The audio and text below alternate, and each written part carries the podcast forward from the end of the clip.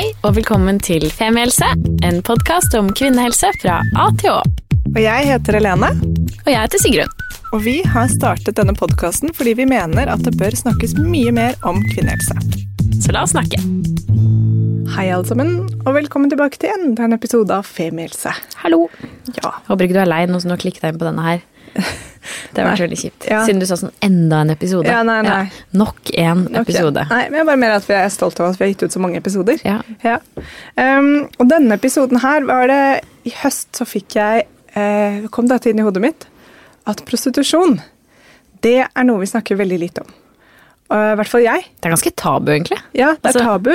Og det å selge sex er For meg er det litt som hva, Hvor er det? Er det i Tollbugata? Hva er det, er det på gata? Hvordan funker det Fins det fortsatt i Norge? Ja, Ja. ikke sant. Og hvordan fins det? ja. Så tenkte jeg at dette har mye Det er jo både menn og kvinner selvfølgelig, og andre som selger sex.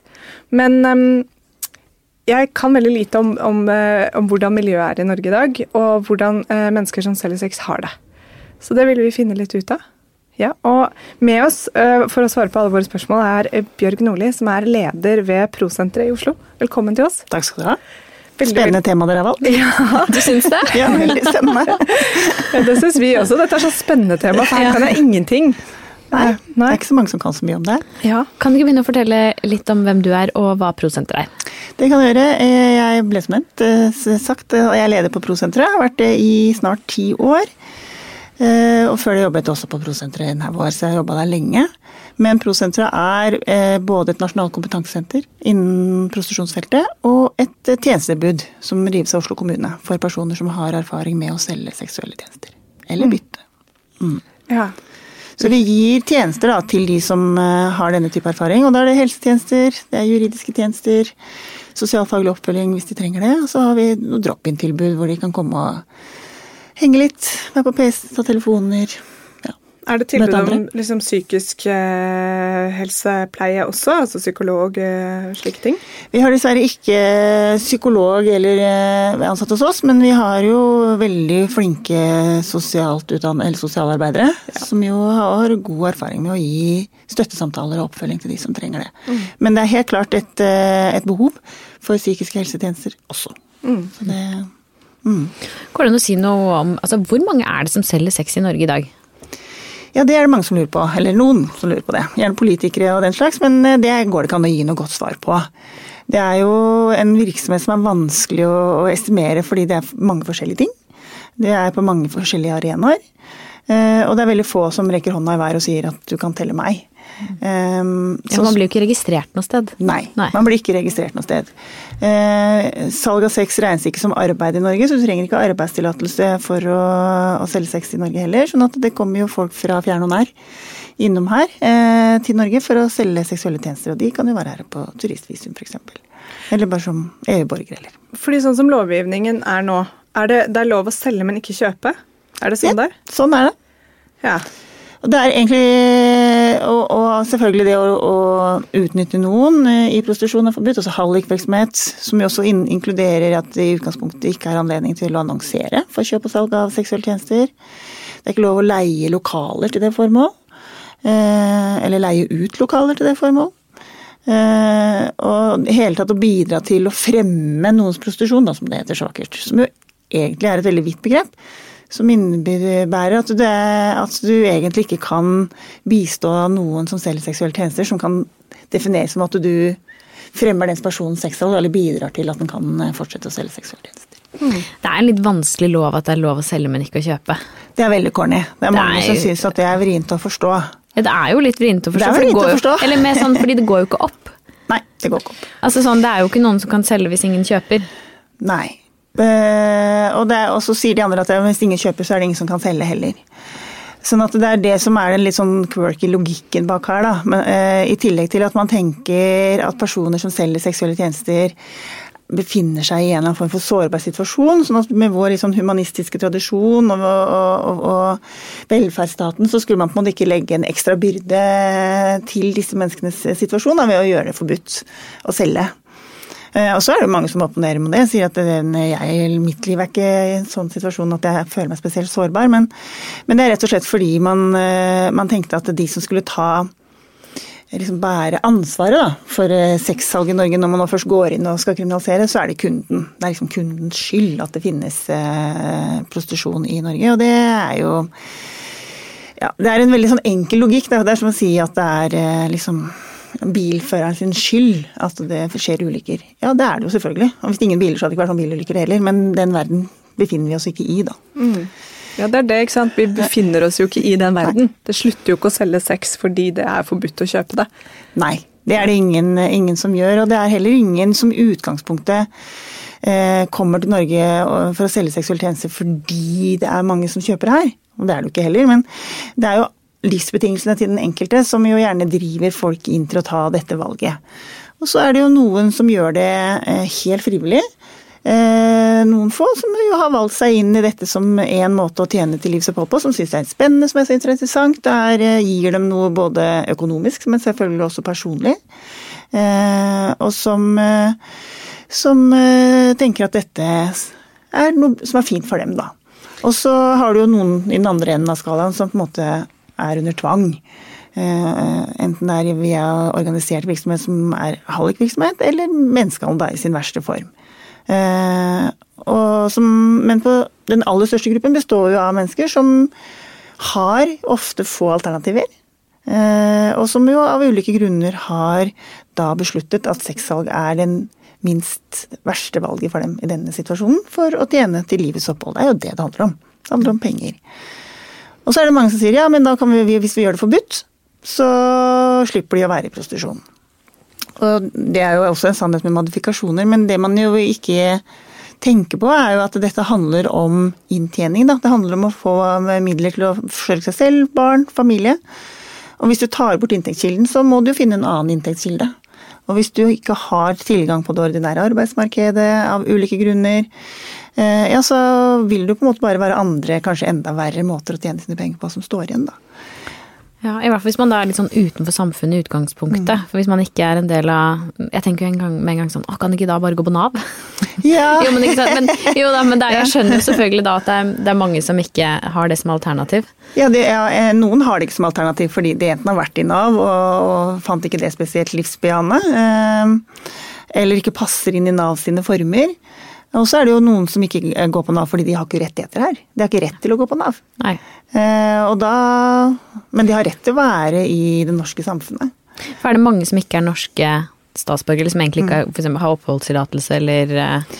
Nei, det er ikke så mange som er, er her helt ulovlig. Eh, Nei. Det er det ikke. Men det er personer som Det fins noen av de òg som har enten oversittet en visumfrist eller som har fått endelig avslag på en eh, søknad, og så bare blir de her. Men det er jo en stor andel som kommer fra EU-land. Østeuropa, Øst-Europa, men som jo da er personer som jo i utgangspunktet hadde anledning til å ta ordinært arbeid her, men som jo ikke har de kvalifikasjonene som trengs for å få innpass på det norske arbeidsmarkedet, og som gjerne kommer fra grupper også som er diskriminert i sine egne hjemland, av minoritetsgrupper f.eks. Og så er det også personer som kommer fra land utenfor EU, eh, e som, som, enten har eller ikke har opphold i et EU-land, men som ikke er EU-borger. Da. da får du ikke arbeidstillatelse. Da er du evig turist i Schengen, på en måte. Mm. Uh, og da er det sånn at uh, hvis du ikke klarer å, å skaffe deg ordinært arbeid, så må du jo tjene pengene dine på en annen måte. Og Er det da mange som kommer til Norge, jobber med å selge seksuelle tjenester for å forsørge eh, barn og familie der hjemme? Altså sende pengene hjem? Det er det mange som gjør. Ja. ja. Eh, nesten uavhengig av eh, hvor du kommer fra. Enten det er i eller utenfor Europa. Også litt uavhengig av kjønn. Vi har jo akkurat gjort en, eh, en intervjukartlegging av 30 menn som, som selger seksuelle tjenester. Og det er flere av de også som forsørger familie i hjemlandet. Med de pengene de tjener her, og som sender penger hjem eller reiser fram og tilbake til Norge og hjemlandet for å tjene opp penger. Fordi Det bildet jeg uh, har, og det er jo fra kanskje norske filmer fra way back, er jo at er uh, at de aller fleste prostituerte også er uh, gatenarkomane. Altså at de bor på gata og prøver å, og trenger penger mm. hver eneste dag fort for å skaffe f.eks. heroin. Mm. Men det er, ikke, det er ikke majoriteten, i hvert fall. Nei, ikke lenger. Eh, og det er det flere grunner til. Det ene er jo at eh, selvfølgelig at tilbudet til personer med rusavhengighet eh, har jo blitt mye bedre. Eh, også når det gjelder såkalt substitusjonsbehandling. At du får du får metadon eller annen type medikasjon som tar rustoppen din, mens du er under en eller annen form for opplegg. Og da har du jo ikke behov for de pengene heller. Eh, og så er det også sånn at de på mange måter har jo blitt litt sånn skviset ut av det klassiske gateprostitusjonsområdet. Eh, men vi ser jo at de, altså hyppigheten til de som er rusavhengige eh, når det gjelder å selge det går jo ned med jo bedre tilbud de har. Eh, for slipper å ha det jaget etter eh, rus, da. Men, men, det som jo er en, en bekymring, da, det er at mens dette skjer, så ser vi også at, at sexsalg har blitt på mange måter tabu igjen i den populasjonen, og det er litt rart. fordi mens det var veldig mange rusavhengige som vi hadde kontakt med f.eks., så snakka de jo om det å selge seksuelle tjenester, snakka om kundene, de forberedte seg før de skulle gå ut sammen, lagde strategier og snakket åpent om det. Og nå eh, det skjer ikke lenger. Eh, og de ulike tiltakene som, hvor disse personene også bor, forteller det samme. De ringer til oss og sier hva er det som har skjedd, fordi nå er det ingen som snakker om det lenger. Eh, og det har jo i, i hele den kundekriminaliseringsdiskusjonen som var da, for ti år siden, elleve år siden, så har man jo på en måte, selv om, som vi snakket om i stad, selv om det bare er det å, å kjøpe som er kriminalisert, så vil jo selgeren på en måte bli dratt med i dragsuget. Man vil få et stempel som at man er eh, Om man ikke er kriminell, så bidrar man til noe kriminelt. Altså man, man setter et stempel da, på, på de personene som om en gruppe som eh, vi som samfunn ikke ønsker. Eh, og det har for så vidt Det er jo ikke noe nytt, men dette forsterker det når du kriminaliserer. Eh, og gir dem et stigma som de også eh, kjenner på, da, i enda større grad. Sånn at de lar være å snakke om det. Og når vi ser at de i liten grad finner seg på gaten også, så vet vi jo f.eks. at i etablerte rusmiljøer så er det jo mye bytte, f.eks. Altså du bytter seksuelle tjenester mot de rusmidlene. De har nytte og utnytter hverandre også i, innad i disse miljøene. Da, sånn at vi ikke ser det på gata, men det skjer jo allikevel. Og det er også en av de tingene som gjør at det er vanskelig å si hvor mange personer det gjelder som selger seksuelle tjenester i Norge, da, fordi det er mange ulike miljøer um, som man da måtte ha gått inn og sett nøye på. da. For, kan du si noe om altså, hvordan selges sex i Norge i dag? Liksom, hva er de vanligste arenaene? For det skjer det åpenbart ikke bare på gata lenger. Nei, gata er vel blitt en av den minste arenaen nå. Eh, altså Gateprostitusjonen i Oslo var jo tradisjonelt veldig stor. Og det var jo en av de grunnene som bidro til at vi fikk en oppblomstring av den diskusjonen rundt reguleringen da, og det å kriminalisere eh, kjøp av seksuelle tjenester. Hva skjedde det? Det var i 2007-2008. Ja, for det er ikke så lenge siden. Nei. Så ble det forbudt 1.1.2009. Ja. Um, sånn at nå er det en veldig lite gateprostitusjon i Oslo i hvert fall. Uh, så er det noen små miljøer i i Stavanger og i Bergen, og så er det noen spredte sjeler som dukker opp av og til i Kristiansand, til eh, stor forundring for de som bor der. Ehm, sånn at eh, det er selvfølgelig, som alt annet her i verden, internett som på en måte er en arena for eh, kos og moroge, og altså andre ting. Ehm, sånn at da har du jo ehm, egne klassiske sider hvor du kan sette inn en annonse. Og da er det litt sånn Bjørg Nordli 4053 Eh, selger disse og disse tjenestene, er i Oslo disse og disse dagene. Eh, gjerne med noen smasende bilder, og så eh, med telefonnummer. Så kan folk ta kontakt og lage avtaler. Men går ikke det som markedsføring av sex? Jo, det Eller salg av sex? Ja, det skulle man jo tro. Og det har jo vært forsøkt flere ganger i retten å få domfellelse på disse annonsene. Også den gangen de sto i, i Dagbladet og i Søndag Søndag, på en måte. En artig liten avis eh, for noen år tilbake. Men, men det som jo er med den eh, lovbestemmelsen, er at det skal være utvetydig. Eh, det vil si at skal være, det skal være veldig tydelig at det er salg av sex det handler om. Og i annonsen så står det ikke det. Det står ikke at jeg selger seksuelle tjenester. Det står eh, fransk og italiensk og en haug av andre ord da, for, eh, som signaliserer hva det handler om. Men ikke salg og pris? Prisene kan også stå der, og de har blitt mer eksplisitte med årene. og Det er jo litt sånn forunderlig, men det er jo vel så mye hvor du står. Det kunne jo stått eh, Bjørg Nordli selger slangeagurker, liksom. Så ville jo de som trenger å skjønne det, skjønne hva det handler om. Mm. Um, men det, nå er det veldig eksplisitte. Men det har ikke vært uh, mulig å få det domfelt uh, tidligere. Og nå er det også sånn da selvfølgelig at uh, disse sidene er jo ikke hosta i Norge. Sånn at det er jo da heller ikke norsk lovverk rekker ikke helt dit, da. For det hadde vært lettere å ta de som da eventuelt sto bak sidene? Ja.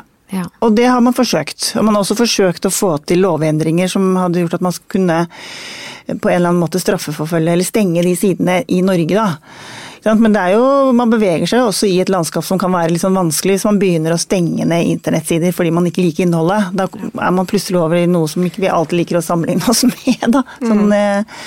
sånn, men, men det er noe, de helt eksplisitte annonsesider, eskortesider. Og de finnes både for eh, kvinner og for menn.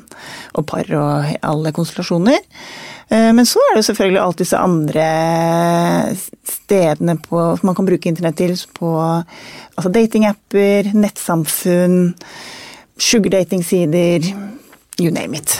Altså, jeg, jeg pleier å si at på de eh, stedene på internett som har lagt til rette for at mennesker skal kunne treffe mennesker, der vil det også kunne foregå eh, annonsering eller kontaktetablering for eh, transaksjonell sex, da.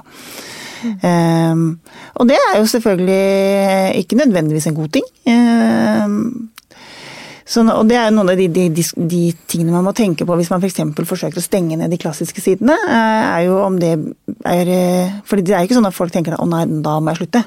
Hvis jeg ikke får annonsere på denne eskortesiden. Da vil man jo presse folk mer over i de litt mer diffuse og større arenaene hvor vi alle er. Uh, og og så blander det seg med på en måte de aktivitetene som er på f.eks. nettsamfunn. Da. Um, ja. Og det er jo en kjensgjerning. Dette er jo ikke noe som er at på disse stedene så blir folk blir kontakta.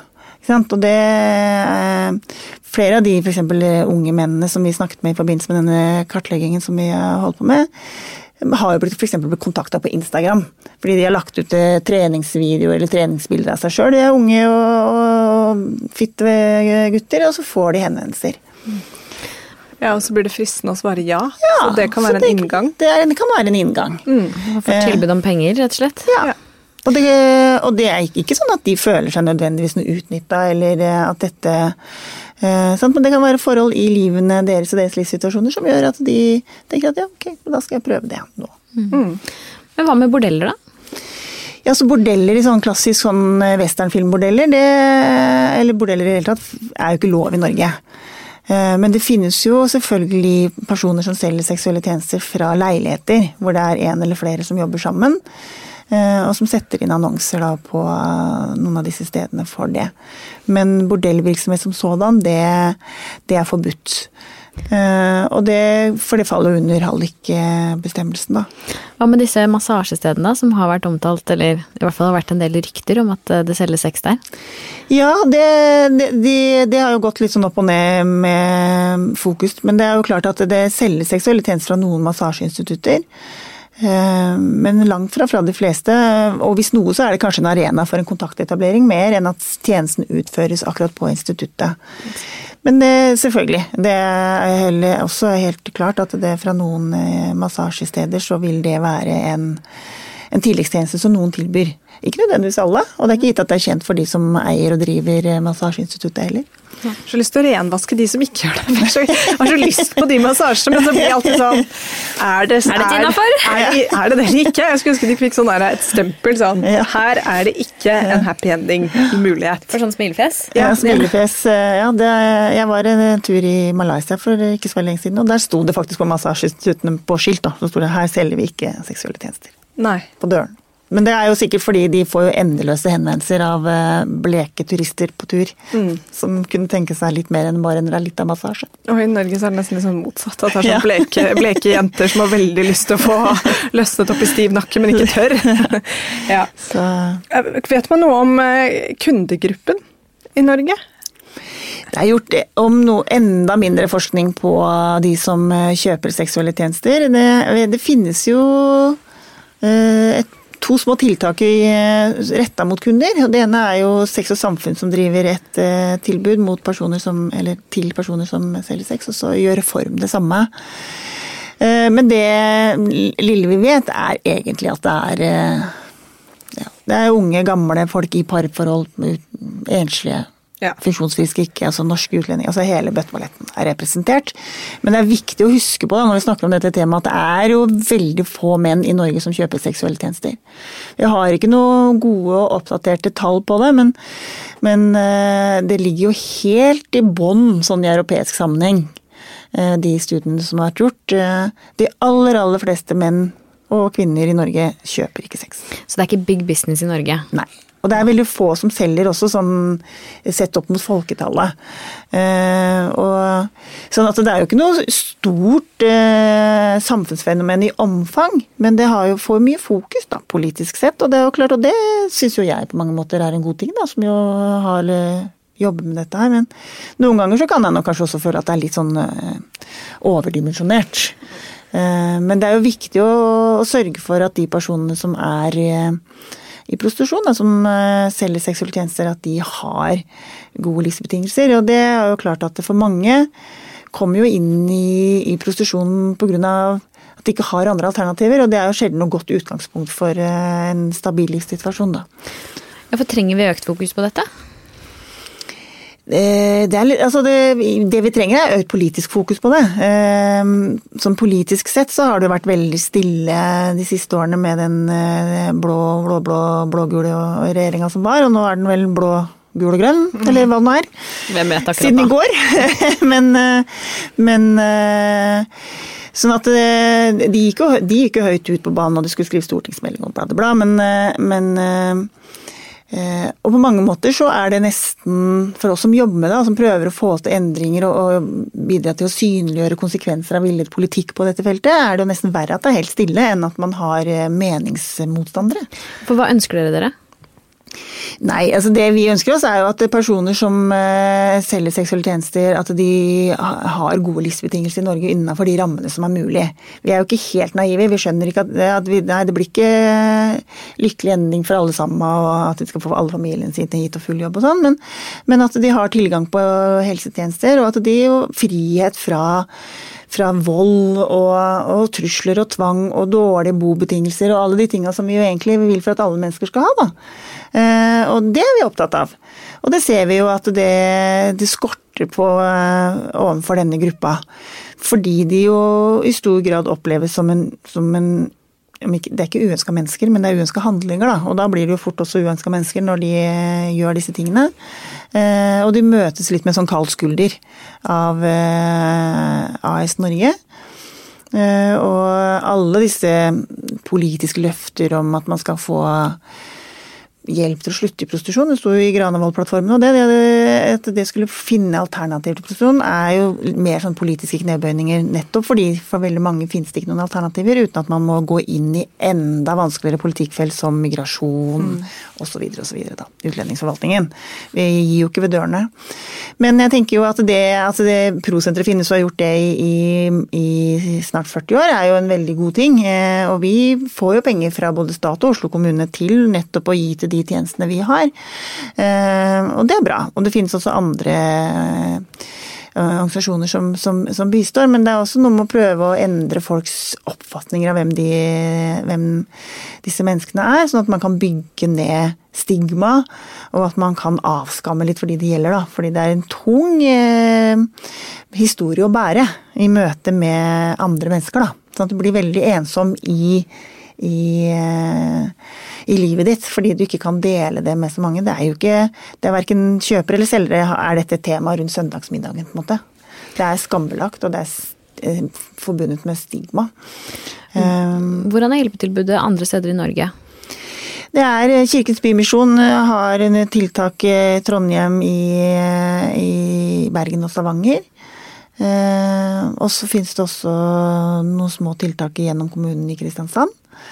Eh, og så skal det vel etableres et eller annet oppe i Tromsø nå, du jobber det med, men det er vel i hovedsak retta mot, eh, mot menneskehandel, tror jeg. Men, eh, og det er det.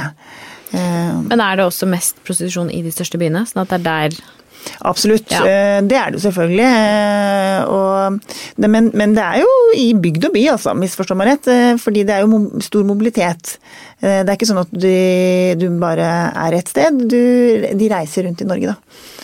Eh, sånn at eh, vi får jo henvendelser fra personer som befinner seg forskjellige steder i landet, og som har kommet ut for noe vanskelig, eller de lurer på noe, blitt utsatt for noe. og Da må vi prøve å lose de inn i de ordinære tiltakene som fins for personer som har blitt utsatt for vold, eller hva det måtte være der, da. Eller vi ber dem komme seg til Oslo eller nærmeste tiltak, da. Jeg så dere hadde, jeg fikk jo ikke lest den, men jeg fikk den i hånden akkurat når vi gikk inn den blå rapporten dere har laget. Mm. Men Det er en litt sånn yngre målgruppe. Eh, er dere bekymret for, eller ser dere noen endring i med nye kanaler, nettopp dette med Snapchat og Instagram, at uh, yngre mennesker som vanligvis kanskje ikke hadde havnet der, får tilbud av eh, hva skal jeg si, men, mennesker med, med, dårlige intensjoner, da, mm. og som kan falle litt inn i det uten at det kanskje hadde skjedd før, eller bare mist, overtolker jeg den rapporten nå? Nei, altså la oss si det sånn at når det gjelder unge, det er jo klart at med alle sosiale medier og så er jo det veldig mye enklere å ta kontakt med, med unge mennesker enn det var før. Vi hadde jo godterionkler på bydelen når jeg vokste opp, ikke sant? som jo eh, prøvde å lokke til seg liksom, folk, og greide det òg. Men det er klart at nedslagsfeltet er jo mye større. Eh, men om det er flere som lar seg på en måte påvirke, det er jo litt usikkert. fordi det er jo den personen du er og den ballasten du har fått med deg i livet fram til du blir 12 eller 13 eller 14 eller hvor gammel du nå er, som på en måte skal hjelpe deg å, sette de grensene for deg sjøl. Eh, sånn at det vil jo Så stort sett så vil det være unge som allerede har ulike former for sårbarhetsfaktorer i livene sine, som gjør at de eh, har kanskje lavere terskler, da, eller større utforskertrang, eller mer faenskap, eller hva det måtte være som gjør at de, de, de, eh, går inn i disse relasjonene, eller behov for omsorg og nærhet og bli sett og alle disse tingene her, som også er en del av det. Eh, og det er viktig, og det er en av denne rapporten som, som du fikk, Johanna, som jo handler om unge som, som bruker sex som kapital, da i forskjellige sammenhenger. Eh, og det trenger ikke bare å være for eh, noe som er negativt, men, men var egentlig et resultat av noen av disse store oppslagene som gjerne kommer i forbindelse med russetiden. ikke sant? At en liten avsuging i skogen, og så får du være med på en russetur, busstur og alle disse greiene her. Som jo er stort sett bare store overskrifter. Eh, og det er på ingen måte sånn at ungdomsseksualitet er over alle støvleskaft, og her er det liksom romping all over the place. Det er ikke sånn det er. Eh, tvert imot så de ungdomsundersøkelsene som gjøres eh, i skolen f.eks., viser jo at ungdommen nå er jo veldig prektige. Sammenligna med liksom årtier bakover. Og så er det noen ting som utkrystalliserer seg, f.eks. psykisk helse og press og den stress, rett og slett. da. Livsmestring blir jo et eget fag i skolen. Eh, men så finnes det noen miljøer og i noen situasjoner hvor det er grunn til å, å være liksom oppmerksom. Eh, hvor jo ungdom da bruker eh, sex og seksualitet som en kapital inn for å få et eller annet form for gode, eller kan bli utnytta i så måte. Da. Og, da. og, det er på kryss og tvers av kjønn og legning og alt mulig. Og det er ikke alltid de forstår sjøl heller ikke godt hva det er de har rota seg inn i. Da. Eh, og så er det viktig også da å, å, å få med i den sammenheng at, eh, at, dette ofte også er mellom ungdom. Det er ikke sånn at det er en voksen person som liksom lurer til seg en 15-åring. Det er mellom ungdom, og det er ikke sjelden heller mellom ungdom som allerede kjenner til hverandre eller har en eller annen form for relasjon, da. Og vårt poeng med å synliggjøre det var ikke for å liksom sette noe klistrelapp på ungdommene, de er egentlig gullegode, men det er å gjøre de voksne rundt disse ungdommene oppmerksom på at disse fenomenene foregår. Mm. Og så styrke de om hvordan de skal snakke om det, for da rullegardina går jo rett ned. Hos lærere, sosiallærere, helsesøstre. Eh, alle voksne syns at det er utrolig kleint å snakke om disse tingene med ungdommer. Eh, sånn at vi har jo bl.a. i Oslo nå og i omringende kommuner så har vi opplæringsdager sammen med noen gode organisasjoner for å styrke folk som jobber med ungdom til å snakke om sex. Høres jo egentlig litt sånn tilforlatelig ut, men jeg skulle tro at i 2020 at ikke det var sånn kjempevanskelig. Men det er det. Er det. Um, Vi vet. sånn at, og det er for meg liksom gåten, men det er klart at nå er jo jeg litt sånn fartsblind som har jobba i 15-16-17 år på Prosenteret og har på en måte sex som uh, det er arbeidshverdagen min.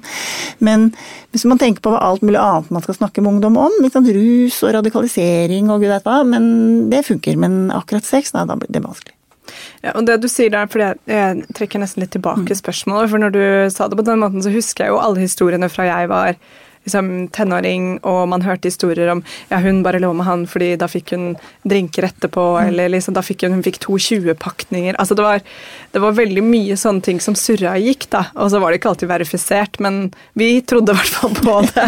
Var det transaksjoner der ute? det var noen transaksjoner, ikke sant. Og, de, og det er jo kanskje nettopp som du sier, sånn eh, behov for både omsorg eller utforskertrang, eller at det er litt altså det er spennende, eller Ja. Absolutt, og jeg tenker jo det viktigste er jo på en måte å ikke miste grepet som voksen person. da, ikke sant? Og tenke at her må det liksom eh, Løp, kuler og krutt til for å stanse en enorm utvikling som ikke finnes. Samtidig så, og, og, og det viktigste er at du snakker om det. Det trenger jo ikke være dramatisk om du har på en måte hatt sex med noen for å, for å få to 20-pakninger med sigg, liksom.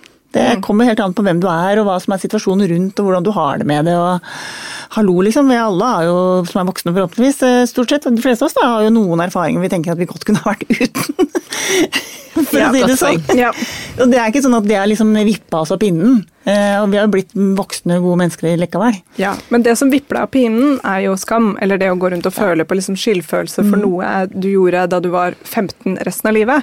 Så hvis det er noen som sitter og lytter nå og får litt sånn klump i magen fordi de plutselig kom på noe de gjorde en eller annen gang i russetiden eller som tenåring, så syns jeg du skal gi deg selv en klem og tilgi deg for det. For du, du greier deg bra i dag. Og Det det tror jeg vi alle kan gjøre av og til. Bare slette de tingene. Det er helt riktig, og det er et veldig godt poeng. Og hvis du ikke greier å gi deg den klemmen, så har jo Pro-senteret en chattetjeneste som mm. er åpen, den du kan komme innom for den saks skyld. eh, Eller andre gode tjenester retta mot personer som trenger å snakke med noen om noe. Ja. Så fint. Veldig bra. Og- Ja, Det er mye vi kan snakke om her. Ja. Det var et større tema enn jeg hadde trodd. For jeg. Er nysgjerrig nå? Men det er alltid sånn når vi kan lite om noe, så tenker vi sånn dette er snevert. Fort gjort. Og så begynner vi, og så bare wow! Er det sant? Ja. Men uh, veldig, veldig spennende å snakke med deg, Bjørg. Eh, uh, høre Ja, virkelig. Og jeg anbefaler alle å høre på podkasten som dere nå akkurat har gitt ut, som heter Propodden. Eh, Podden finnes der ute hvor alle podkaster pleier å finnes. ja, samme som denne. Og hvor dere nå til nå har gitt ut fem episoder hvor dere snakker med mennesker som har eh, solgt seksuelle tjenester. Eh, om deres erfaring og liv og, og hvordan det er. Så jeg har ikke rukket å høre på den, men jeg bare gleder meg til å høre på den nå. Fordi ja, det er veldig fint å få perspektiv. Mm, absolutt. Da kommer det jo til orde, da, de som jo faktisk selger seksuelle tjenester, og det er jo ikke så ofte at det, Det er veldig, det veldig spennende. spennende. Så takk for at jeg fikk komme. Ja, takk for at du kom. Tusen takk. Takk for at du hørte på. Ja, og Send oss gjerne tilbakemeldinger på episoden hvis det er noe du lurer på eller eh, noe vi kunne tatt videre. Så gjør vi gjerne det. Og så snakkes vi. Det gjør vi. Ha Ha det. Tusen takk for at du hørte på podkasten vår. Selv om det forhåpentligvis kommer tydelig frem, så vil vi understreke at vi ikke er helsepersonell. Ja, så Som vanlig, kontakt legen din om du har noen spørsmål eller om du skal begynne på noen form for behandling. Og har du et tema som du har lyst til at vi skal snakke om, eller noe ris eller ros, så send oss gjerne en melding på Facebook eller på Instagram. Der finner du oss under Femihelse. Og du kan gjerne rate oss på iTunes, det er skikkelig hyggelig for oss. Ha en fin dag! Ha en kjempefin dag!